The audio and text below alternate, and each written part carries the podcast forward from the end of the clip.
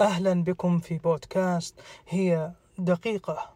معي أنا أحمد الذبياني وتنسيق عبد الرحمن خالد.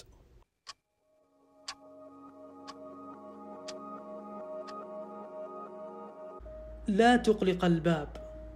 من نعم الله علي أنني سمعت هذه العبارة على لسان أحد الحكماء وهو يوجه صديقا آخر حيث يقول أننا عندما نختلف مع أحد فإننا نلجأ عادة إلى إقلاق الباب وذلك إما بقطع التواصل معه أو باتخاذ موقف سلوكي أو حتى لفظي فإذا كنا قد أغلقنا الباب مع أولئك الأشخاص فمعنى ذلك أننا قمنا بحرق الفرص.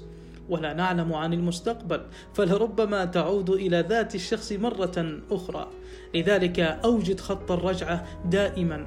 ويقول ذلك الحكيم لكم قطفت ثمار هذه الاستراتيجية في حياتي وخصوصا مع أقاربي فضلا عن أعدائي الأصدقاء.